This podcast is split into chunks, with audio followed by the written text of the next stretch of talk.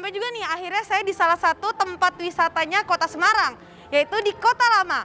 Nah ini tempat paling banyak datengin sama para wisatawan, karena banyak banget spot-spot foto, tempat nongkrong, sama tempat makan. Tapi jangan lupa, taati protokol kesehatan.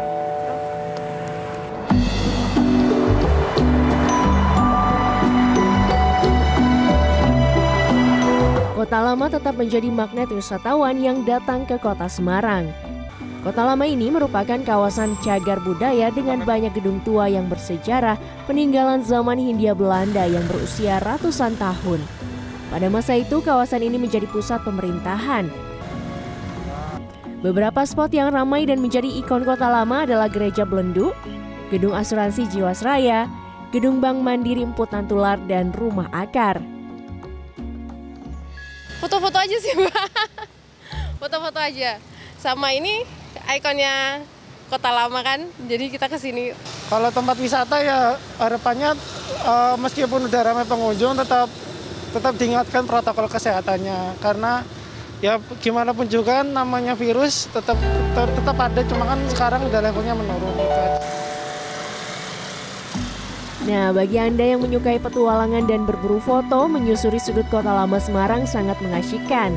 Anda dapat berjalan kaki dengan nyaman di area pedestrian yang sudah tertata rapi. Menjelang mudik lebaran 2022, sejumlah persiapan untuk menertibkan kawasan wisata dan tempat-tempat yang berpotensi menimbulkan kerumunan disiapkan Polrestabes Semarang. kita menyiapkan eh, titik-titik pengamanan di tempat hiburan, kemudian di eh, mall-mall, pusat perbelanjaan, di pasar-pasar, di tempat-tempat wisata, kemudian eh, makam biasanya juga itu pasti menjadi eh, tujuan dari masyarakat dalam beraktivitas menjelang Lebaran.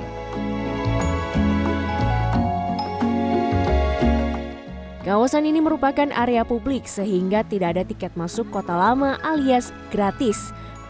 Pengunjung hanya perlu mengeluarkan uang untuk biaya parkir kendaraan. Tim Liputan CNN Indonesia.